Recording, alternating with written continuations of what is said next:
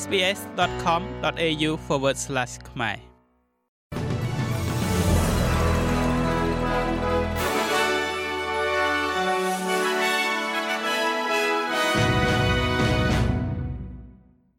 សូមស្វាគមន៍មកកាន់នេតិព័ត៌មានខ្លីៗរបស់ SBS ខ្មែរសម្រាប់ថ្ងៃអង្គារទី6ខែកុម្ភៈឆ្នាំ2024 នាយករដ្ឋមន្ត្រីអូស្ត្រាលី លោក Anthony Albanese បានជូនពរស្ដេច Charles ឲ្យឆាប់ជាសះស្បើយបន្ទាប់ពីព័ត៌មានថាស្ដេចអង់គ្លេសនិងអូស្ត្រាលីអង្គនេះកំពុងតែព្យាបាលជំងឺមហារីកស្ដេច Charles បានចំណាយពេល3យប់នៅក្នុងមន្ទីរពេទ្យកាលពីខែមុនបន្ទាប់ពីបានឆ្លងកាត់នីតិវិធីកែតម្រូវសម្រាប់ក្រពេញ prostate ដែលរីកធំ នៅពេលដែលបញ្ហាគួរឲ្យបារម្ភមួយផ្សេងទៀតត្រូវបានកត់សម្គាល់ឃើញឡើង។ ក្រុមអ្នកតំណាងនៅវិមាន Buckingham មិនបានផ្ដល់នូវព័ត៌មានលម្អិតអំពីប្រភេទមហារាជនេះទេប៉ុន្តែនិយាយថាវាមិនមែនជាក្រពេញ prostate ឡើយលោក Albanese បានប្រាប់ ABC ថាលោកនឹងតាក់ទងជាមួយនឹងក្រុមគ្រួសាររាជវង្សនៅថ្ងៃនេះមួយទៀតនោះពាក់ព័ន្ធជាមួយនឹងការកាត់កងពន្ធដំណាក់កាលទី ដែលផ្លូវអាចនឹងត្រូវបានជំរះសម្រាប់រដ្ឋាភិបាលដែលបានធ្វើវិសោធនកម្មលើការកាត់បន្ថយពន្ធដោយក្រមគណៈបកប្រឆាំងសហព័ន្ធបានបង្ហាញនៅការគ្រប់គ្រងដោយមានលក្ខខណ្ឌ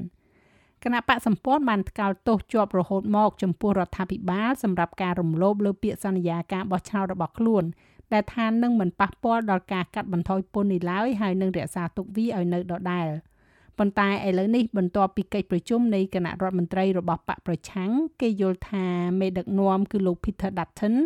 នឹងប្រកាសពីការគ្រប់គ្រងរបស់ពួកគេដោយភ្ជាប់មកជាមួយនៅលក្ខខណ្ឌក្មេងជំទង់ម្នាក់ត្រូវបានចោទប្រកាន់ពីបទមនុស្សឃាតបន្ទាប់ពីស្ត្រីវ័យ70ឆ្នាំម្នាក់ត្រូវបានចាក់សម្លាប់នៅចំពោះមុខចៅស្រីរបស់គាត់នៅខាងក្រៅមជ្ឈមណ្ឌលផ្សារទំនើបមួយនៅរដ្ឋ Queensland ។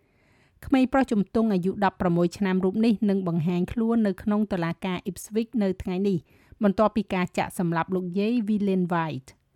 លោកយាយ White បានដើរទិញអីវ៉ាន់ជាមួយនឹងចៅស្រីអាយុ6ឆ្នាំរបស់គាត់នៅឯ Red Bank Plains ភាគខាងលិចទីក្រុង Brisbane នៅពេលដែលគាត់ត្រូវបានគេវាយប្រហារ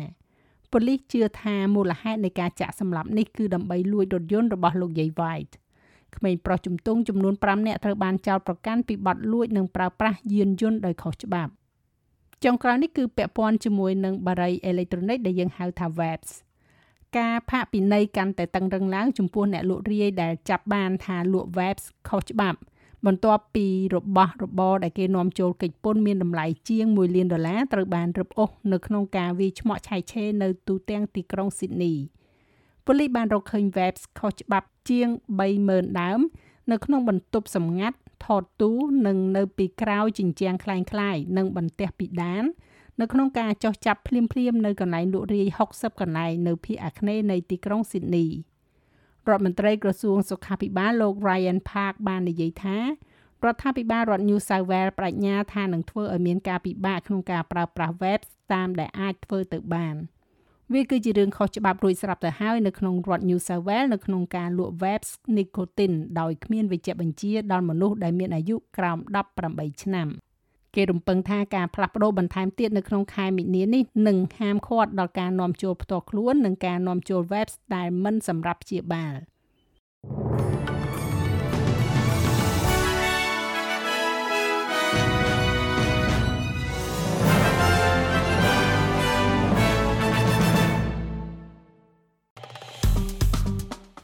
like share comment និង follow SPS ខ្មែរនៅលើ Facebook